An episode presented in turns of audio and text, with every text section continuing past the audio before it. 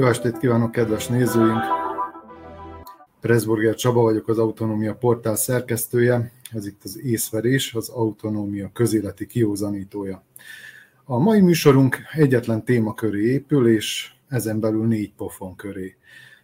Igazából Szerbia és Magyarország, illetve a hatalmat megtestesítő Alexander Vucic és Orbán Viktor egymásra utaltságáról beszélgetünk, nemzetközi és belföldi pozíciójáról, illetve arról, hogy milyen lépésekre kényszerülnek abban a helyzetben, amelyben találták magukat az elmúlt hét eseményei kapcsán. De még mielőtt belekezdenénk, arra kérem önöket, hogy amennyiben megtehetik, támogassák a műsorunkat, ugyanis az észverés csak és kizárólag akkor tud a továbbiakban létezni, hogyha a nézőink, illetve a hallgatóink is támogatják. A műsor leírásában megtalálják annak módját is, hogy ezt hogyan tehetik meg. Itt egyébként lent írja is, tehát az egyik lehetőség az a Patreon oldalam, ahol akár egy rendszeres, kisebb összegű felajánlással is tudják támogatni ezt a műsort, amelyen heti szinten 3-4 ember dolgozik. A másik lehetőség pedig az, hogy az Autonómia portál munkáját támogatják, ezt megtehetik a donations.ndnv.org oldalon, itt elsősorban egyszeri felajánlásokat várunk, bár számunkra a kiszámíthatóság szempontjából sokkal fontosabb az, hogy inkább legyen több kisebb támogatás, amely rendszeres, mint hogy legyen néhány nagyobb, amely aztán esetleg valamiféle befolyásolási szándékot is oktrojálhat ránk, amit semmiképpen nem szeretnénk. De vágjunk is vele akkor a mai témánkba. A kiutott, ahogy már mondtam, a pofonokból az eltelt hét napban mind Orbán Viktornak, mind pedig Alexander Vucicnak. Bár nem, nyilván nem minden pofon fight egyformán, a Freedom House éves jelentéseinek pofonjait már megszokták, immunisnak is mutatkoznak rájuk, pontosabban nem veszik túl komolyan őket, nem veszik túl komolyan azt, amikor egy-egy nyugati civil szervezet a demokráciát, vagy a szólásszabadságot, a szabadságjogokat egyáltalán kérik számon rajtuk. Az azonban mégsem hangzik, vagy hangzott túl jól, hogy Szerbia a leginkább visszafejlődött balkáni országnak lett titulálva ebben a jelentésben, és még a részének tekintett Koszovó és a mindig lesajnált Albánia is megelőzi. Magyarország pedig még ennél is rosszabbul járt, ugyanis az általános mutató szerint Szerbiánál is rosszabb besorolást vagy mutatót kapott a Freedom House-tól. A másik pofon az a közvéleménykutatás volt, amely szerint a szerbiai lakosok körében drasztikusan csökkent az ország Európai Uniós csatlakozásának a támogatottsága.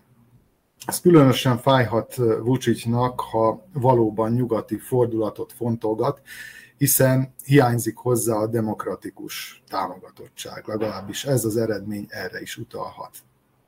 A harmadik pofont elsősorban Orbán Viktor érezte meg, hiszen két fontos magyar forint milliárdokkal is támogatott illiberális szövetségese, a francia Marine Le Pen és a szlovén Janez Jansa is elbukta a vasárnapi választást.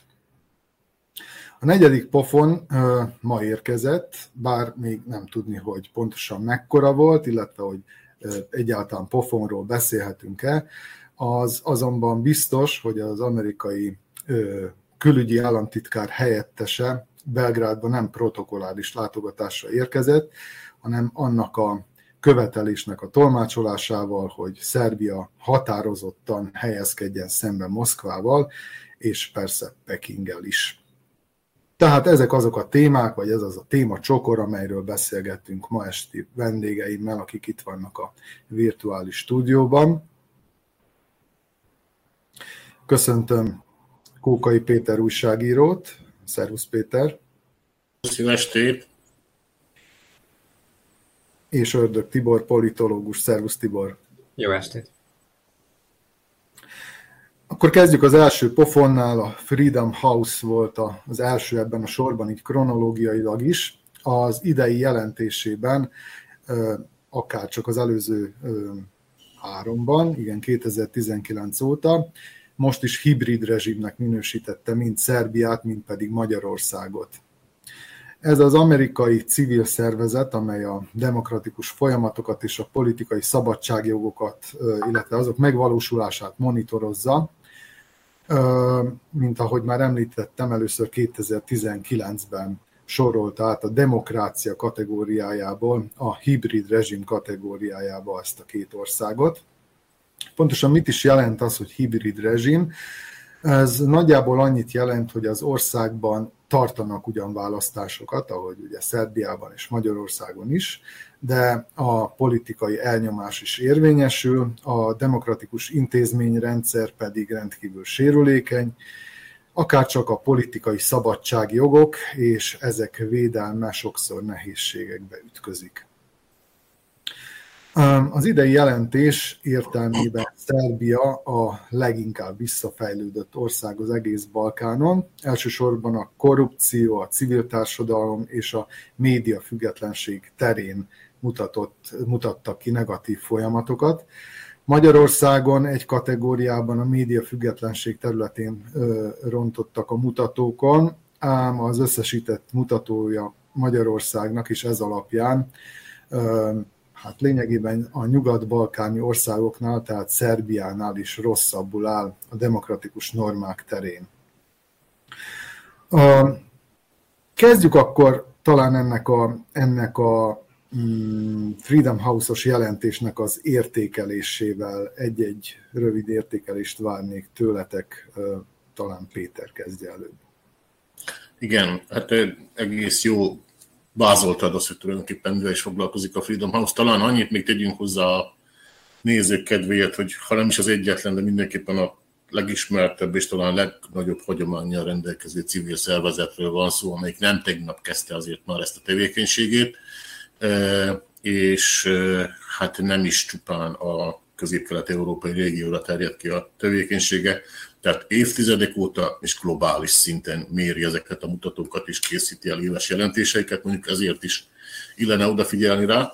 A következő, hát ugye mi földrajzi, kulturális, nyelvi, minden egyéb jellegzetességünknél fogva abban a szerencsés, szerencsétlen helyzetben vagyunk, hogy mindkét országra, amit említettél, tehát Magyarországra és Szerbiára is mondjuk így az átlagosnál nagyobb rálátásunk van, és akkor ennek kapcsán meg tudjuk mondani, hogy mennyire értünk egyet ezzel, vagy sem, de mielőtt még erre rátérek, annyit azért én is ilyen bevezetőként mondanék, hogy hát én azt hiszem, még nem találkoztam olyan aktuális országvezetővel, itt most ugye nyilvánvalóan egész pontosan Magyarország és Szerbia jelenlegi kormányára gondolok ebben a pillanatban és konkrét esetben, akik ne cáfolták volna a Freedom House mindenkori jelentését, tehát az nem úgy van, ez messze nem úgy van, ez egy komolytalan dolog, ez soros ügynök, ki milyen narratívát vesz kép elő, de hogy valaki önkritikát gyakorolt volna a Freedom House jelentése kapcsán, én legalábbis ezen a vidéken ilyet még nem tapasztaltam. Természetesen ez volt a reakció most is mindkét ország vezetői részéről, úgyhogy ilyen értelemben is semmi új a nap alatt. Annyit akarok még hozzátenni ilyen rövid értékelésként, mert, eh, mert ugye arra kértél bennünket. Hát a felsorolt területek közül nyilván szakmámnál fogva úgy gondolom, hogy a sajtószabadság, a, média, a független sajtó eh, szabadsága és helyzete az a terület, amihez talán a leginkább vagy a legnagyobb önbizalommal hozzá merek szólni, és hát ugye csak egyetérteni tudok a Freedom House jelentésével, amennyire én látom a magyarországi eh, független sajtóhelyzetét, és amennyire én látom Szerbiában a sajtóhelyzetét. Nem is tudom, mennyire kell és szükséges, hogy ezt most itt részletesen kifejtsem. Ugye hát Szerbia vonatkozásában nézzük meg a közszolgálati eh, televíziónak a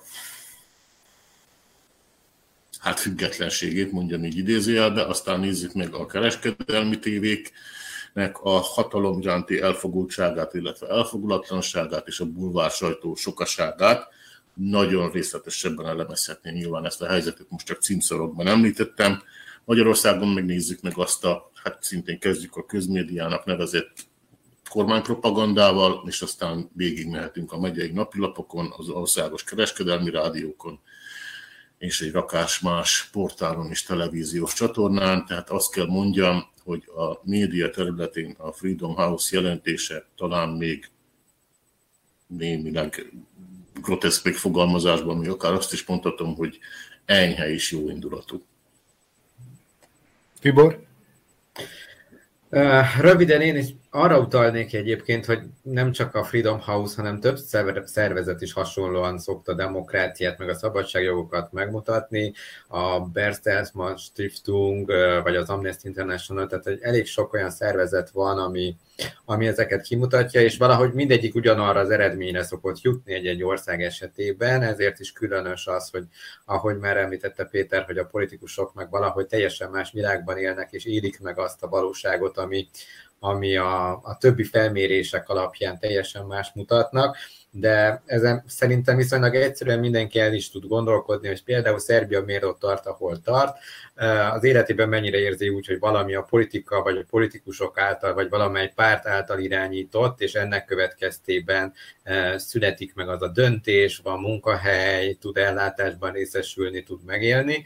Tehát, hogyha már mindezeket az emberek érzik saját magukon is, akkor érezhetik, hogy az nem épp egy demokratikus ország, ahol, ahol élnek, hogy ennek megfelelően történik egy támogatása egy helyi önkormányzatnak, vagy sem. Azért eh, ezek olyan problémák, ami, ami politikailag mindenképpen eh, eh, hát nehezményezhető illetve ami még előkerül ezzel kapcsolatban a Freedom House-os értékeléssel, hogy Szerbia azért folyamatosan itt a hibrid rezsimben mozog, bármilyen felmérésben félszabad demokráciaként szokás megemlíteni, ahol a szabadságjogok néha kirakatként vannak jelen, vagy legalábbis papíron garantálják, de a gyakorlatban nem mindig, és akkor megjegyezném zárójelben kisebbségi jogok is hasonlóan talán gyakorlatban így működnek néhol az országban, Szerbiában is.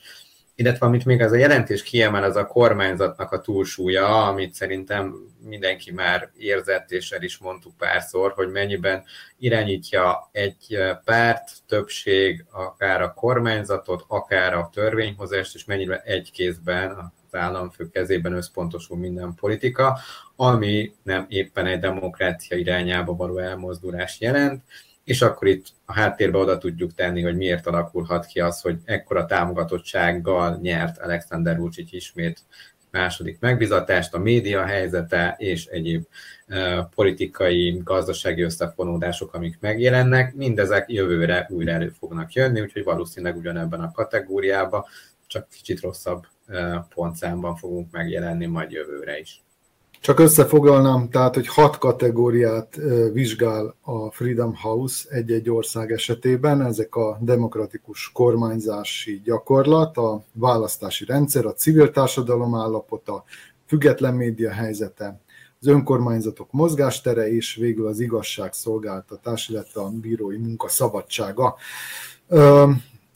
Szerintetek mennyire veszik ezeket a ezeket a jelentéseket. Itt említette Tibor, hogy nem csak a Freedom House jutott erre, hanem más egyéb monitorozó szervezetek is hasonló eredményekre jutottak ezeknek az országoknak az esetében. Mennyire veszik ezt alapul mondjuk gazdasági szereplők egy-egy befektetéskor, hogyha egy-egy országba szeretnének befektetni például, vagy akár a nemzetközi politika képviselő irányítói? Hát ez jó kérdés, amit most föltettél, hogy mennyire veszik a gazdasági szereplők ezt alapul. Gazdasági szakértő nem vagyok, egyébként azt gondolom, hogy nem igazán veszik alapul, őszintén szóval. Van, vannak más mutatók is, amelyek a gazdaságra vonatkoznak, de hát hogyha itt a korrupciós mutató, vagy éppenséggel nem tudom én a, a, a a kormányzati, vagy az önkormányzatoknak a hatásköre kérdéses, akkor, akkor lehet, hogy ez is fölmerülhet, mint, mint egy olyan kérdés, amelyet figyelembe vesznek, amikor, amikor a befektetésen gondolkodnak. Ezért kérdeztem. Hát talán a korrupció esetében még igen, mondjuk ott talán van érintkezési pont, de hát hogy is fogalmazzak, sajnos én azt gondolom, hogy a tőke az nem annyira demokrácia érzékeny, és nem annyira mimóza lelkű. A tőkét azt általában a az általuk kurszónak tekintett stabilitás szokta érdekelni elsősorban, tehát ha ő ott megtalálja a saját számítását, akkor kevésbé érzékeny a kifinomult lelkülete a demokrácia különböző mutatóira. Én legalábbis így látom és tapasztalom, inkább olvasmányaimban, mint személyesen, tehát azért teszem hozzá, nem személyes tapasztalatokra épül ez, amit mondok, de a, hát azok a, nem is tudom pontosan a nevüket, a Moody's meg a többi, tehát ezek a, a, a tőke befektetést értékelő cégeknek a mutatói azt gondolom, hogy a nemzetközi tőkés sokkal inkább érdeklik, mint sem a demokrácia mutatókat, és esetleg van érintkezési pont, ott lehet az, ahol, ahol, ahol ezeket a mutatókat is figyelembe veszik. Uh-huh. Térjünk rá akkor a második pofonra. Két, év, két évtized után először többségbe kerültek az Európai Uniós csatlakozás ellenzői Szerbiában. Ez derült, ez derült ki az elmúlt héten az Ipsos által végzett legújabb felmérésből. A közvélemény kutatás szerint csak minden harmadik szerbiai állampolgár, tehát a megkérdezettek 35%-a szeretne felvételt nyerni az Európai Unióba míg a megkérdezettek 44%-a inkább az integráción kívül képzeli az ország jövőjét.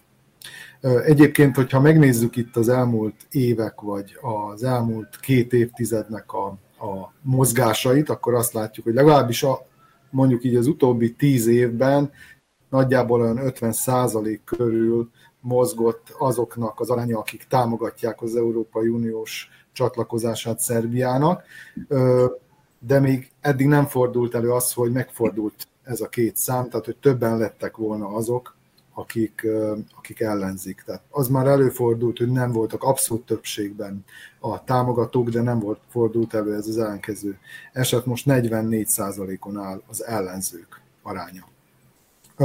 Ti hogyan látjátok, minek tudható be ez a meredek zuhanás, mert lényegében meredek zuhanásról beszéltünk. Szerintem ez három okra vezethető vissza. Az egyik az magának az Európai Uniónak a hibája, mert hogy nem tud kommunikálni Szerbiában saját magáról sem. Van egyébként mindegyik országban megcsinálták a kommunikációs stratégiát, elérhető gyönyörű dokumentum, papíron megvan, de hogy így nem látni Szerbiában is a polgár sem találkozik ilyen szempontból az Európai Unióval, a másik ok pedig az, ha találkozik, akkor általában egy negatív hang az, ami megjelenik, hogy az Európai Unió követel valamit, számon kér valamit, zsarol, nyomást gyakorol, tehát hogy ezek a szavak, amik megjelennek, és hát melyik polgár az, aki úgy gondolja, hogy ő zsarolni lehet például, tehát hogy érezhető okból, e, ez egy ilyen irányba való elmozdulást jelent, ami ha szépen lassan a médiában felépítve a politikai támogatással működik, akkor ez hosszú távon megtérül számukra, mert hogy elkezd negatív fényben megjelenni az Európai Unió, és ők se tesznek semmit, hogy ez változzon valamilyen irányba. A harmadik ok pedig szerintem az, ami most itt a kampányidőszakban is előjött, az az oroszországi szankciónak a kérdésköre, és egyre hangosabb volt Szerbiában is ez a téma, ami valójában a polgárok felé eh, több párt esetében is úgy csapódott le, hogy akkor választani kell Oroszország és az Európai Unió között. Ez pedig hát a régi, hagyományos reflexeket, az orosz pártiságot hozta elő, és akkor inkább a testvéri Oroszországot választja a polgár, és az Európai Unió megint egy rossz fényben feltűnő valami lesz, amit nem akarunk, eh, mert hogy minket mindig Oroszország segít és támogat. Tehát, hogy szerintem ezek az okok húzódnak meg a mögött, hogy, hogy ez ekkora csökkenés jelentett, főleg a kampány miatt volt egy nagy visszaesés szerintem az orosz szankciók hangoztatása következtében is alakulhatott ki, és annak pedig nem történik meg a híresztelése vagy a, a, az elmondása, hogy egyébként gazdaságilag, ha már az előbb beszéltünk, akkor az Európai Unió az mekkora befektető és mekkora támogató bármilyen viszonzás nélkül is, míg Oroszország milyen partner ebben, hogy már visszaszorult teljesen és gazdaságilag alig van jelen, míg politikailag meg ő az első számú miért nem, miért nem kommunikálják ezt egyébként? Tehát, hogy, hogy, hogy miért van az, hogy, hogy Oroszországról vagy akár Kínáról sokkal inkább azt gondolja a szerbiai polgár, hogy hát itt aztán hatalmas gazdasági befektetéseket eszközöl, miközben az Európai Unióról, ahonnan a legtöbb visszanemtérítendő támogatás érkezett az országba, vagy egyébként egyéb más befektetés. Nincs ez a, nincs ez a percepció a társadalomban.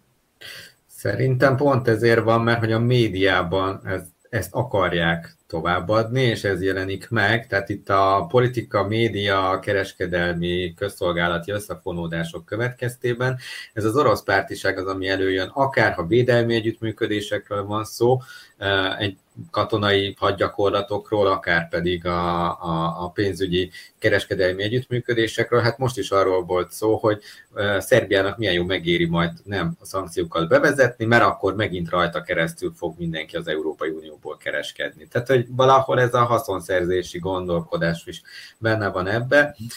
Az Európai Unió meg, hogy miért nem, nincs meg neki az a fóruma, és az a, az a belső támogatói köre, aki, aki ezt felvállalná, és aki ezt vinné tovább, mert hogy a politikusok nem mernek egyértelműen mellé állni. Lásd, Bucsit népszerűségvesztése a választáson, ha nem teljesen Oroszország mellé áll, és nincsenek nagyon olyanok, aki meg kiáll az EU-s értékek mellett, azoknak viszonylag alacsonyabb a támogatottsága, mert hogy más törésvonalak vannak az országban. Én itt látom az okot, de tenni kellene nekik valamit, ha szeretnék, hogyha ez változzon a jövőben. Uh-huh. Péter, hát, szerinted mondjad. Hát, érdekes volt hallgattam ezt a politológusi elemzést olyan szempontból, hogy Tibor úgy kezdte, hogy három ok van. Kíváncsi voltam, hogy mi lesz ebben a felsorolásban, mi, mi lesz ez a három ok. Hát én nem tudom, hogy én mennyire vagyok monomániás vagy összeesküvés elméletekkel terhelt. Természetesen azt remélem magamról, hogy nem, de ha én válaszoltam volna elsőként erre a kérdésre, akkor, akkor valahogy úgy vezettem volna fel, hogy én azt gondolom, hogy most minden jelentősebb társadalmi változás vagy mozgás között elsőként azt kell megnézni, hogy az a változás, illetve hogy arra a változásra valamilyen módon kihatott-e az orosz-ukrán konfliktus. Tehát csak annyi, hogy én a három ok közül most éppen ezt tenném az első helyre, tehát én egyetértek azzal, hogy szerintem ez az orosz-ukrán konfliktus, ez polarizálta a szerbiai közvéleményt és a szerbiai politikai életet és hasonló okok miatt, amiket itt Tibor válaszolt, tehát hogy ezt ne ismételjem. Talán annyi, hogy én az én kis meglátásom vagy véleményem alapján ezt tenném az első helyre most éppen, mert azt gondolom, hogy ez az a jelentősebb változás, még az ország határain kívül is történt, de, de aminek lecsapódása van, mint azt láttuk. Vagy, vagy, vagy az én értelmezésemben az orosz-ukrán konfliktusnak lecsapódása és következményei voltak a magyarországi választásokra. Lecsapódása és következményei voltak a szerbiai választásokra. És ugyanazt gondolom, hogy ugyanilyen lecsapódása és következménye ez, tehát az, ami most itt megmutatkozott ebben a közvéleménykutatásban, tehát növekedett a hagyományos orosz barát szimpátia, és ezzel párhuzamosan csökkent az EU iránti szimpátia, illetve elkötelezettség. Akkor ezzel egyúttal azt is állított, hogy amennyiben ez a háború befejeződik, vagy esetleg egy olyan fordulatot vesz, amely, amely miatt elpártol Szerbia Oroszországtól, vagy akár valamiféle inkább semleges pozíciót venne fel, akkor ez a zuhanás lehet átmeneti is? Tehát, hogy visszaállhat a korábbi támogatottsági szint? Ez valószínűleg átmeneti, ugye ha most ebbe a témába mélyebben belebonyolódnánk, tulajdonképpen nem is olyan borzasztó mélyen. A következő ok, ami előjönne, a mai napig előjönne, ugye az nyilvánvalóan a 99-es NATO bombázások. E, de ez hosszú távon hat ki az EU iránti megítélésre, e, és a NATO megítélésre is, vagy annál, arra, arra még jobban. Tehát azt gond, igen, igen, tehát hogy lerövidítsem a választ a kérdésedre, igen, azt gondolom, hogy ez a mély pont, az EU iránti támogatottságot vagy szimpátiát illetően, igen, azt gondolom, hogy ez a mély pont, ez egy, ez egy átmeneti állapot, és ez változni fog. De megtörténhet, hogy nem tér vissza a korábbi szintre. Uh-huh. Lépjünk tovább a harmadik pofon. Vasárnap két európai választáson is a liberális erők nyertek. Franciaországban újabb öt évre a centrista Emmanuel Macron-t választották köztársasági elnöknek, Szlovéniában egy tavaly alapított zöld baloldali, vagy mások szerint inkább balliberális párt juthat kormányra, illetve alakíthat koalíciós kormányt egy másik baloldali párttal. Egyetértetek-e azzal az állítással, amit több médiumban is lehetett, vagy több elemzőtől is lehetett olvasni, hogy a vasárnapi francia és szlovén választások után megerősödött a liberális politika Európában, Tibor?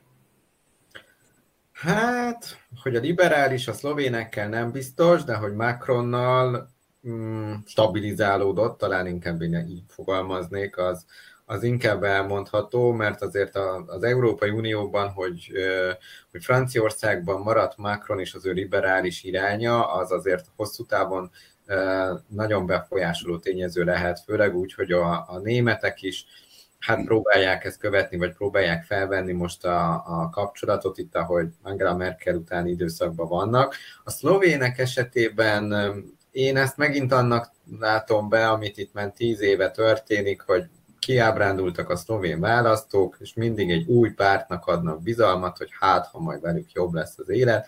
Ezt minden választáson eddig is eljátszották. Én úgy látom, hogy most is ez történik. A kérdés az, hogy majd ez sikerül-e a szabadságmozgalomnak meglovagolnia és megtennie, vagy sem, mert ha, ha nem, akkor ugyanez a sors vár rájuk is, majd akár egy instabil kormányzás, mint ami volt Márián Sereccel, két év után nem mondott, vagy ugyanez fog történni velük is, úgyhogy ez a kérdés szerintem. Az biztos, hogy mind a két országban, ahogy a bevezetőben is mondtad, a, a szélső jobb vagy a jobb oldali, jobb közép irány az, ami inkább kiszorult, és ami hát a szövetségesek vesztését is jelentette akár Magyarország számára. Itt itt Szlovéniában több kapcsolati szál is felmerült a kampányban, meg úgy egyébként gazdaságilag is, a másik meg a löpeni hitel, ami Magyarországhoz kötötte, de hát hogy azért itt fontos szövetséges lett volna már Löpen, hogyha átrajzolódik Európa térképe. Uh-huh. Péter, te mennyire értesz egyet ezzel az állítással? Ugye két, két állítás van, az egyik, ami talán alátámasztja, a másik, ami talán ellentmond neki. Az egyik az az, hogy hát úgy tudom, hogy már több évtizede nem nyert hivatalban levő francia elnök másodszor is, tehát nem ismételte meg a, választási győzelmét öt évvel később, és az Macronnak sikerült. Tehát ilyen értelemben ez számára egy nagy győzelem. Ugyanakkor, hogyha megnézzük azt, hogy, hogy mennyire sok támogatott tagja volt a, a radikális jobb és a radikális baloldali jelöltnek, és hogy mennyire kicsi volt lényegében ez a különbség ahhoz képest, hogy, hogy 5 vagy 10 évvel ezelőtt, amikor szintén Löpennel, vagy, vagy akár az apjával, aki még szélsőségesebb volt, kellett megmérkőzni a másik jelöltnek, akkor sokkal nagyobb volt ez a különbség, tehát ilyen 10-20 százalékokat tudott csak szerezni a, a szélsőséges jelölt. Tehát ugye van mondom, ez a két állítás, és hogyha ennek fényében nézzük, akkor hogyan látod ezt a franciaországi választást? Igen, így van. Külön én sem néztem utána, de mintha a híradásokban így hallottam volna, hogy 2002-ben fordult ez elő utoljára, hogy hivatalban lévő francia elnök ismételni tudott, tehát ha így nézik, valóban kettő évtizede. Hát a kettő állítást együtt tudom szemlélni, és azt gondolom, hogy hogy is mondjam, nagy általánosságban is azt gondolom, hogy ha a világot próbáljuk megérteni, akkor tudomásul kell vennünk az egymásnak ellentmondó, de ugyanakkor egyszerre jelenlevő folyamatokat, és, és, és, és hát mindkettő igaz, tehát kétségtelen, hogy most Macron győzött és ismételni tudott. Én egyébként valahol azt gondolom, hogy Franciaország számára ez jó, és Európa számára is jó, figyelembe véve a jelenlegi választékot, mármint az alternatívát és igaz azt, hát ezt, ezt, ezt csak megismételni és megerősíteni tudom. Nyilván nem hajszára pontos százalékokat fogok most mondani, de ha az öt évvel ezelőtti franciaországi elnökválasztások eredményeit hasonlítjuk össze a mostanival, akkor az van, hogy Macron nem egész 10, azt hiszem, hanem 7-8-9 százalék körüli vel kapott kevesebb szavazatot most, mint 5 évvel ezelőtt, és nagyjából hasonló arányban kapott löppen több szavazatot, mint 5 évvel ezelőtt. Tehát itt van egy jobboldali markáns megerősödés, ami ebben a pillanatban egy tendencia. Hogy hova vezet ki, azt természetesen nem tudjuk, és hogy átbillenhet ez a mérlet természetesen, azt sem tudjuk, mert ha tudnánk, akkor lottóirodákba járnak állandóan, és nem politikai elemzésekkel, meg cikkírással foglalkoznánk. Minden esetre, ha folyamatot kell megállapítani, akkor, akkor, akkor ez van. Ezt kényszerűen és tényszerűen megállapítom, hogy Franciaországban is, is erősödik a jobb oldal. Csak erre nem kérdeztél rá, de amit én érdekesnek tartok még ennek a témának a kapcsán, nem mintha ebben a pillanatban bármi különösebb konkrét következményét látnám, de szóval ez a, ez a, ez a két választási eredmény most vasárnap Szlovéniában és Franciaországban, nem is tudom mi a jó kifejezés, hogy ki, ki teljesítette, vagy a csúcsra járatta Orbán Viktor nemzetközi elszigeteltségét. Én nem is tudom felsorolni, hogy ő Trumpot tekintette nagy szövetségesének, nem tudom, hogy ez fordítva mennyire volt így, Trump megbukott. Boris Johnsonnal tudott ilyen közös nevezőre jutni, ők kiléptek az Európai Unióból. Salvini tekintette politikai szövetségesének, az most ellenzékben van.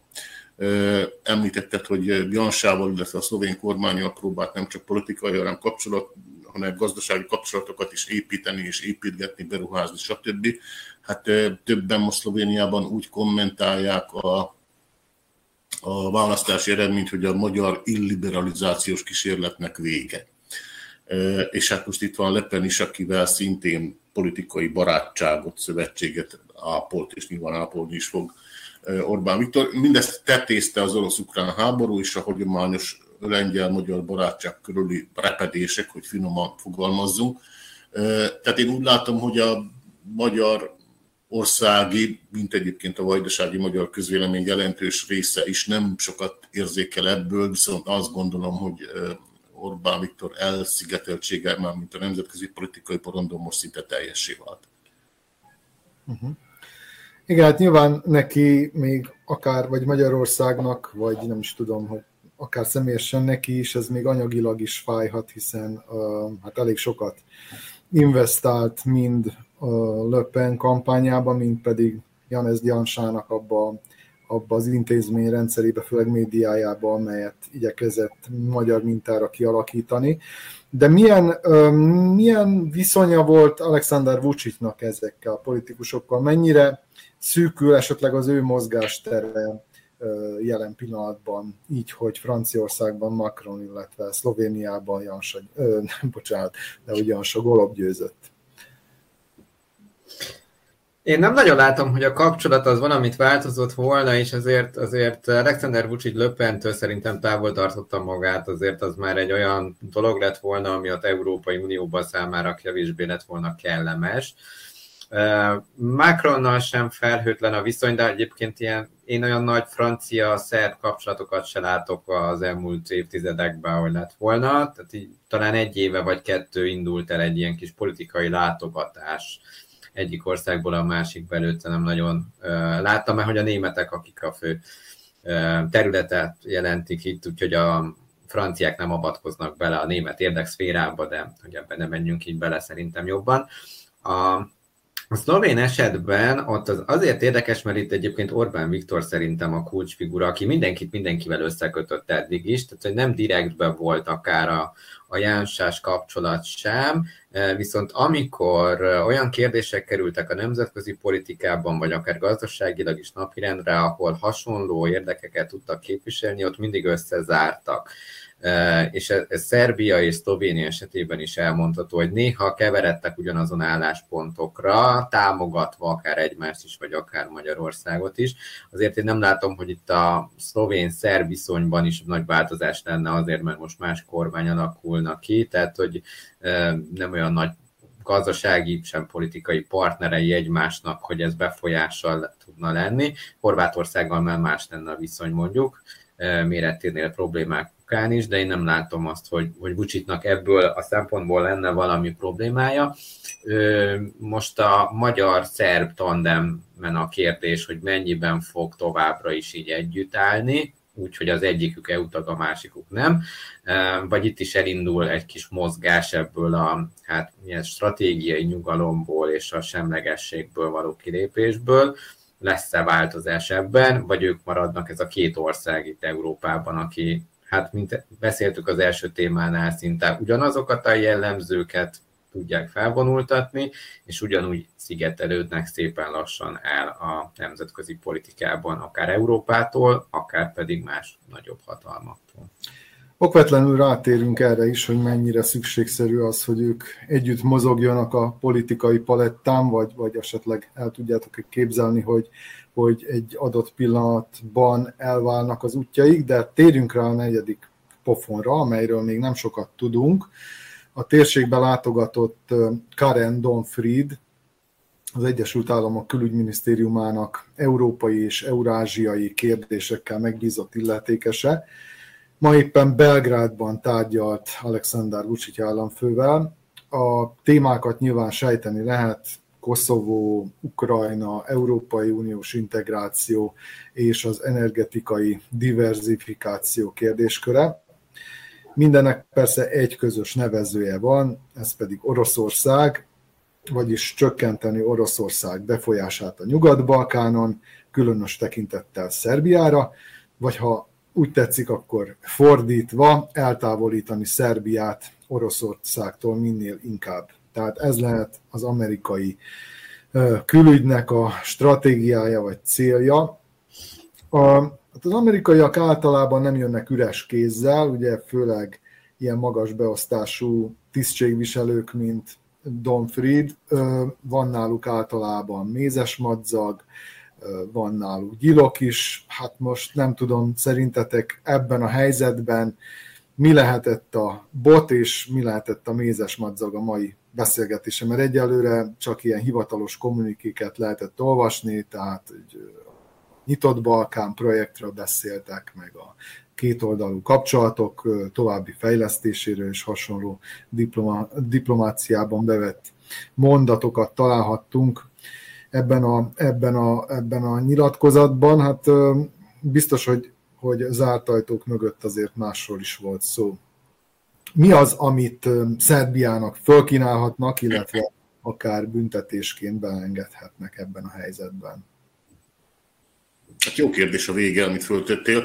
Én bevallom őszintén, hogy az összes általad pofonként apostrofált téma közül erre készültem a leg, kevésbé, ahogy te ezt itt fölvezetted, ezek szerint olyan nagyon nem is lett volna alkalmam készülni rá, mert nem igazán sok konkrétum olvasható, vagy hallható, vagy látható ezzel kapcsolatban, de egyébként sem napközben nem lett volna érkezésem erre készülni, úgyhogy csak találgatni tudok. Visszatérek a korábban emlegetett összeesküvés elméletemhez, tehát abban biztos vagyok, hogyha most ilyen rangú amerikai tisztségviselő érkezik Belgrádba, és a kormányjal, vagy épp a köztársasági elnökkel tárgyal, akkor a, az első számú téma az, hát tulajdonképpen Oroszország, igen, tehát az ukrán háború kapcsán Oroszország, és ö, ö, tehát csak egyet érteni tudok veled abban, hogy nyilván ez a illetve az a konfliktus határozza meg a, az itt a rétékre kerülő témákat és prioritásokat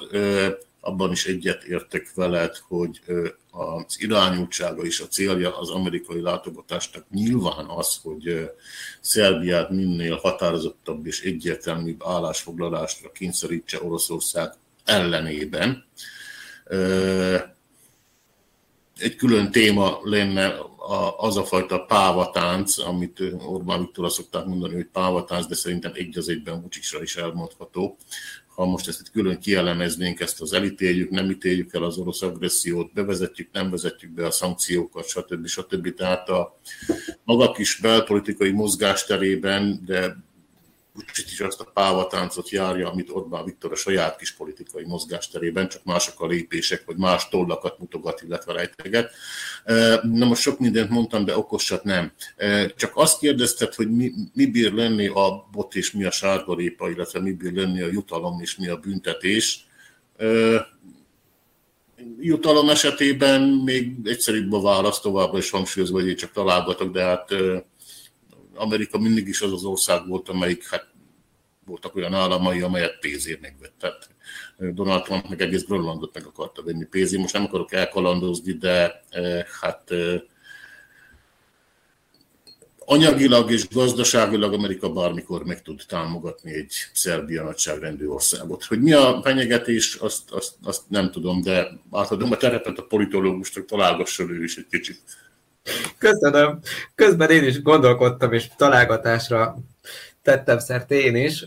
Az egyik az a pénz, amire amire már utaltál, hogy talán valami, valami támogatás, és pont azon gondolkodtam, hogy olyan mire, mire lenne szüksége Szerbiának, amit ők meg tudnak adni, akár pénzben is, akár támogatásban is, mert hogy Kína épít, gáz van jó olcsón az oroszoktól, tehát hogy energiafüggőség csökkentése a drágább amerikaival nem biztos, hogy megérné, annyira építeni nem kellene most, vagy én nem tudok róla, hogy lenne olyan, amit kellene, és egyedüli dolog, ami egyébként eszembe jut, de ez a találgatás szintén, az Koszovó. Tehát, hogy lehet, hogy valami olyat is belekevernének, hogyha nem, akkor Koszovót újra elővesszük és elkezdjük támogatni a nemzetközi intézményekbe való integrációját, vagy többet támogatunk valamit. Ha viszont nem, akkor meg inkább nem támogatjuk, vagy nem olyan hangosan történik mindez. Én valami ilyesmit látnék benne, amivel lehetne Szerbiát valamilyen módon hát csalogatni ebben a kérdésben, mert mást én nem nagyon láttam, ami, ami Szerbiának olyan égető kérdése lenne, ami miatt Oroszországgal bármit is csinálna. Itt sem mennének el a falig, szerintem azért, de, de ez egy olyan téma és terület, ahol mindenki tud még halászni, tehát még Amerika is jól tud kijönni, meg még Szerbia is jól tudnak kijönni részben ezekkel a, a kis alkukkal, amiket megkötnének, úgyhogy én valahol ebben a koszovói kérdésben eh, keresném, vagy látnám a, a mézes madzagot, meg a furkosbotot, aztán, hogy tényleg mi történt a négy fal között, azt majd egyszer talán megtudjuk.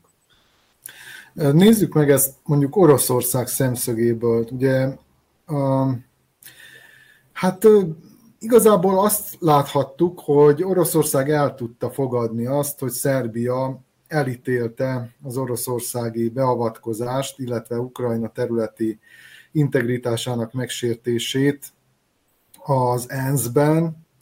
Ezt teljesen el tudta fogadni Oroszország, ez, ez csont nélkül átment. Egyáltalán Oroszországnak mi lehet inkább érdeke? Az, hogy hogy Szerbiát teljes egészében saját maga mellé állítsa, vagy az, hogy hagyja megtenni ezeket a végül is számára nem olyan súlyos dolgokat, még hát az se lenne olyan szörnyű, hogyha Szerbia csatlakozna az Európai Uniós szankciókhoz, viszont ö, nyerne egy újabb trójai falovat az európai táborban. Tehát, hogy gondolkodik-e, vagy látszanak-e arra mutató jelek, hogy Oroszország esetleg ebbe az irányba gondolkodik Szerbia kapcsán? Hát, hogyha így vetette fel a kérdést, hogy ez a két úgymond választási lehetőség van, akkor én azt gondolom, hogy mindenképpen ez az utóbbi. Szerbia súlyánál, gazdasági erejénél, stb. stb.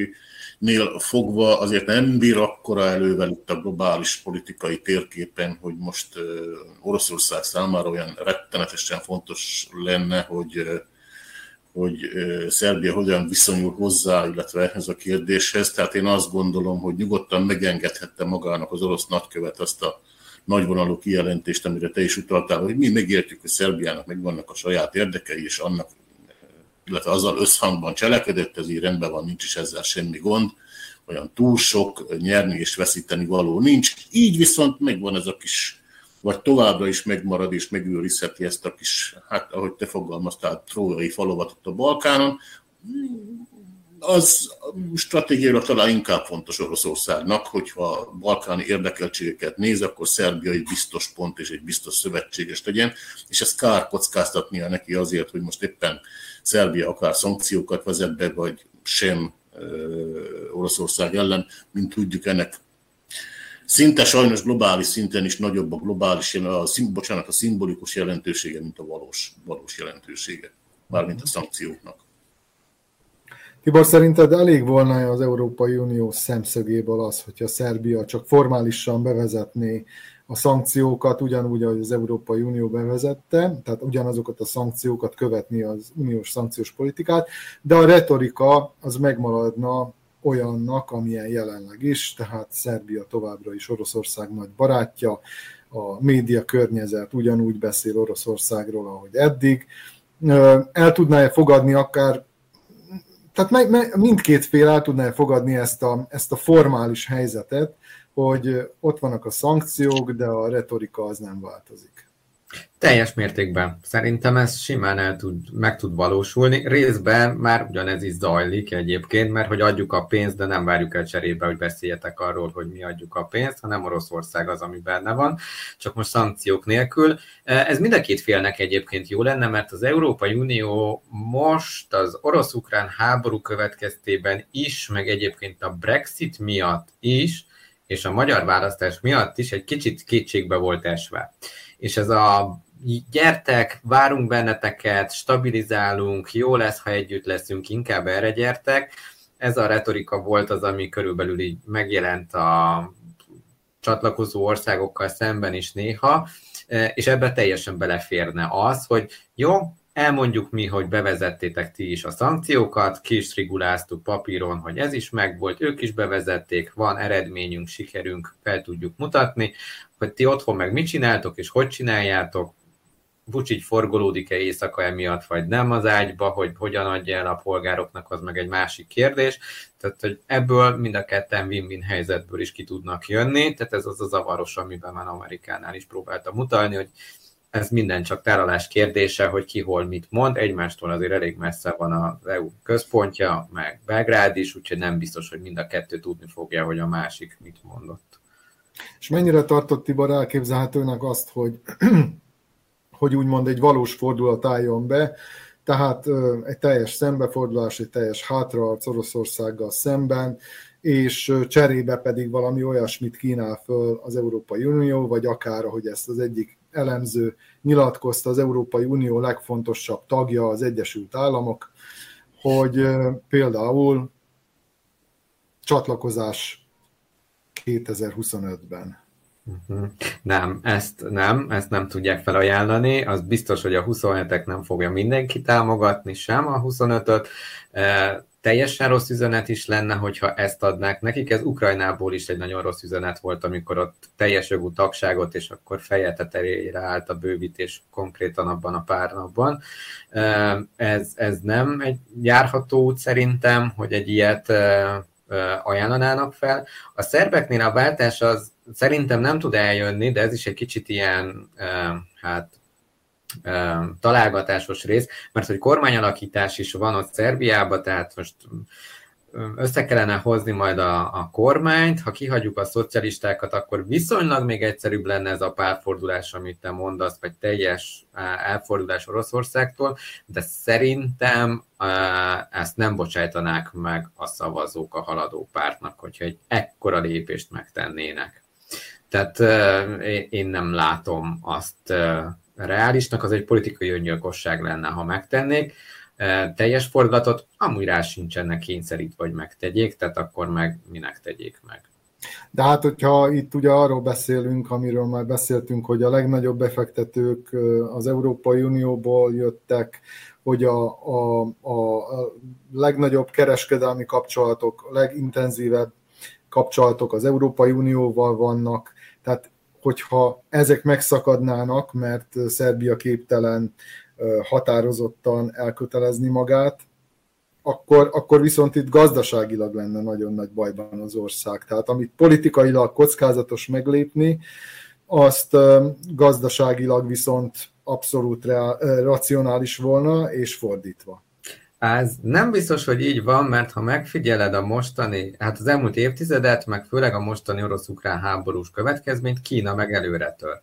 És Kína nagyon nagy erőszeretettel átveszi majd azt a beruházásokat, és adja a pénzt cserébe némi elvárással, kevésbé jogállamisági, politikai és egyébben, eh, de kiszolgáltatottságot az Kína mindenképpen elvárna. Tehát most én egyébként azt figyelem és várom, hogy Kína mennyiben tud hasznot húzni a Balkánon ebből az orosz-ukrán háborúból, meg a szankciókból. Hogy azon túl, hogy Montenegróban, meg Szerbiában ott némi közlekedési beruházások vannak, de hogy ők azért a háttérbe gazdaságilag szépen nyomulnak be, és próbálják átvenni a helyeket, akár az EU-ból is, mindazokat ők csinálták meg, amit az EU nem volt hajlandó beruházni és támogatni. Tehát már ott vannak, és ezt a taktikát alkalmazzák, úgyhogy az EU helyét át tudja venni Kína, sőt akarja is szerintem átvenni. És ezt tudja az EU is, azért nem próbál erősebb nyomásgyakorlást tenni Szerbiára. Uh-huh. Péter, mennyire értesz azzal egyet, amit Tibor mondott, hogy ez a történelmi nem, ez, ez úttal nem valószínű, tehát hogy, hogy határozottan szembefordulna Szerbia Oroszországgal. Ugye hát itt sokan beszélnek arról, hogy annak idején Tito is szembefordult Stalinnal, illetve Milosevic is egy hatalmas pár, pálfordulást hajtott végre 94-ben, amikor, amikor nyugati nyomásra egyik napról a másikra lényegében szembefordult Radovan Karadzsittyal, illetve Radko Mladicsal, és hát mégis hatalmon maradtak mindketten, igaz egyik hosszabb, másik rövidebb ideig. Alexander Vucicnak a helyzete miben más? Hát én szoktam mondani már közhelyszerűen, hogy a politikában is, vagy sem, soha nem mond azt, hogy semmi sem lehetetlen, és lám-lám, te is fölhoztál már itt legalább kettő olyan példát, amikor éppen ebben a térségben, legyen az Jugoszlávia vagy Szerbia, történt kettő olyan váratlannak tekinthető pálfordulás, ami az adott geopolitikai kontextusban nem volt elvárható, vagy nem volt logikus. Úgyhogy most itt valahol cáfolnom kellene, illetve nem is kellene cáfolnom önmagam, hiszen azt mondtam, hogy a politikában semmi sem lehetetlen, csak maga az állításom, vagy a válaszom a kérdésedre inkább az, hogy de mégsem. Tehát, hogy mindennek ellenére mégsem. Én ebben a pillanatban nem várok ilyen fejleményt, nem várok ilyen fordulatot én, ahogy ezt a Vucic-féle politizálást ismerem, és a karakterisztikáit láttam itt az elmúlt években, azért nem a drasztikus és hirtelen, és főleg nem az egyértelmű párfordulások jellemezték. Szerintem egy ilyen óvatos taktikai húzavona várható, hogy na jó, akkor még egyet lépünk, vagy még egyet szigorítunk. Ha már ezek az amerikaiak annyira akarják, akkor inkább majd nem tudom, majd esetleg bevezetünk szankciót a tök mag ellen, vagy nem tudom micsoda. Kicsit ironizálok, talán nem is kellene a téma komolysága kapcsán, gondolok elsősorban az ukrán háborúra. Na, nem akarom túragozni a témát. Én ebben a pillanatban nem látom realitását annak, hogy hirtelen és egyértelmű Vuciki pálfordulás történne. Tibor, még egy kérdés hozzád. Szerinted a, az alapján, amit tudunk, az elnök nyilatkozatai alapján, illetve a kiszivárgott információk alapján, Vucic már döntött ebben a kérdésben, vagy még mindig emeli a tétet, és el tudsz képzelni egy olyan tétet, amelynél úgy gondolja majd, hogy ez már valóban megéri, és megéri az árát, és, és érdemes egyik vagy másik irányba elindulni. Én nem látok olyan tétet, amin ezt megtenni. Nem tudnak addig elmenni, és jelenleg olyat ajánlani, ami miatt ebbe belemenne. Én nem látom, hogy ennek lenne az ő szempontjából bármi olyan, ami, ami ebbe az irányba elmozdítaná. Játszani lehet ezt a játékot kis tétekbe, de hogy olyan nagyot, hogy a teljes párfordulásba belelépjen, azt nem. Jó, meglátjuk, hogy mi lesz, illetve majd kiderül, hogy mi is történt a mai megbeszélésen az amerikai külügyi államtitkár helyettesével. Köszönöm, hogy itt voltatok. Önöknek is köszönöm a figyelmet, ez volt az észverés 59. adásának adása, amelyet itt közvetítettünk a Facebookon, illetve a YouTube csatornánkon, amennyiben még ezt nem tették meg, akkor kérjük, hogy az Autonómia Portál YouTube csatornájára iratkozzanak fel, és amennyiben megtehetik, és ezt kértem a műsor elején is, támogassák a, az észverés csapatát, ezt megtehetik a Patreon oldalomon, ez mindjárt olvasható lesz itt remélhetőleg a képernyőn, így van, tehát patreon.com per Pressburger, illetve a másik lehetőség ez a donations.ndmv.org oldalon lehetséges támogatni bennünket. Amennyiben tetszett ez a műsor, akkor kérjük, hogy támogatásukkal segítsék a munkánkat. Szeptembertől, amikor ezt a műsort folytatni fogjuk, akkor már kizárólag ezekre a támogatásokra tudunk támaszkodni. A műsorunkat vissza is nézhetik a Facebookon, a Szabad Magyar Szó, a Maglocsisztács, a második nyilvánosság is az Autonómia Facebook oldalán, illetve, ahogy már említettem, a YouTube csatornán, az Autonómia Portál YouTube csatornáján. Holnaptól, azaz szerdától pedig elérhető lesz a podcast formátum is. A népszerű podcast csatornákon ott lesz az észverés, ahogy ott voltak a korábbi adásaink is. Egy hét múlva nem jelentkezünk, ugyanis akkor még állami ünnep lesz kedden, de két héttel később lesz egy újabb műsorunk, akkor várom Önöket a viszontlátásra.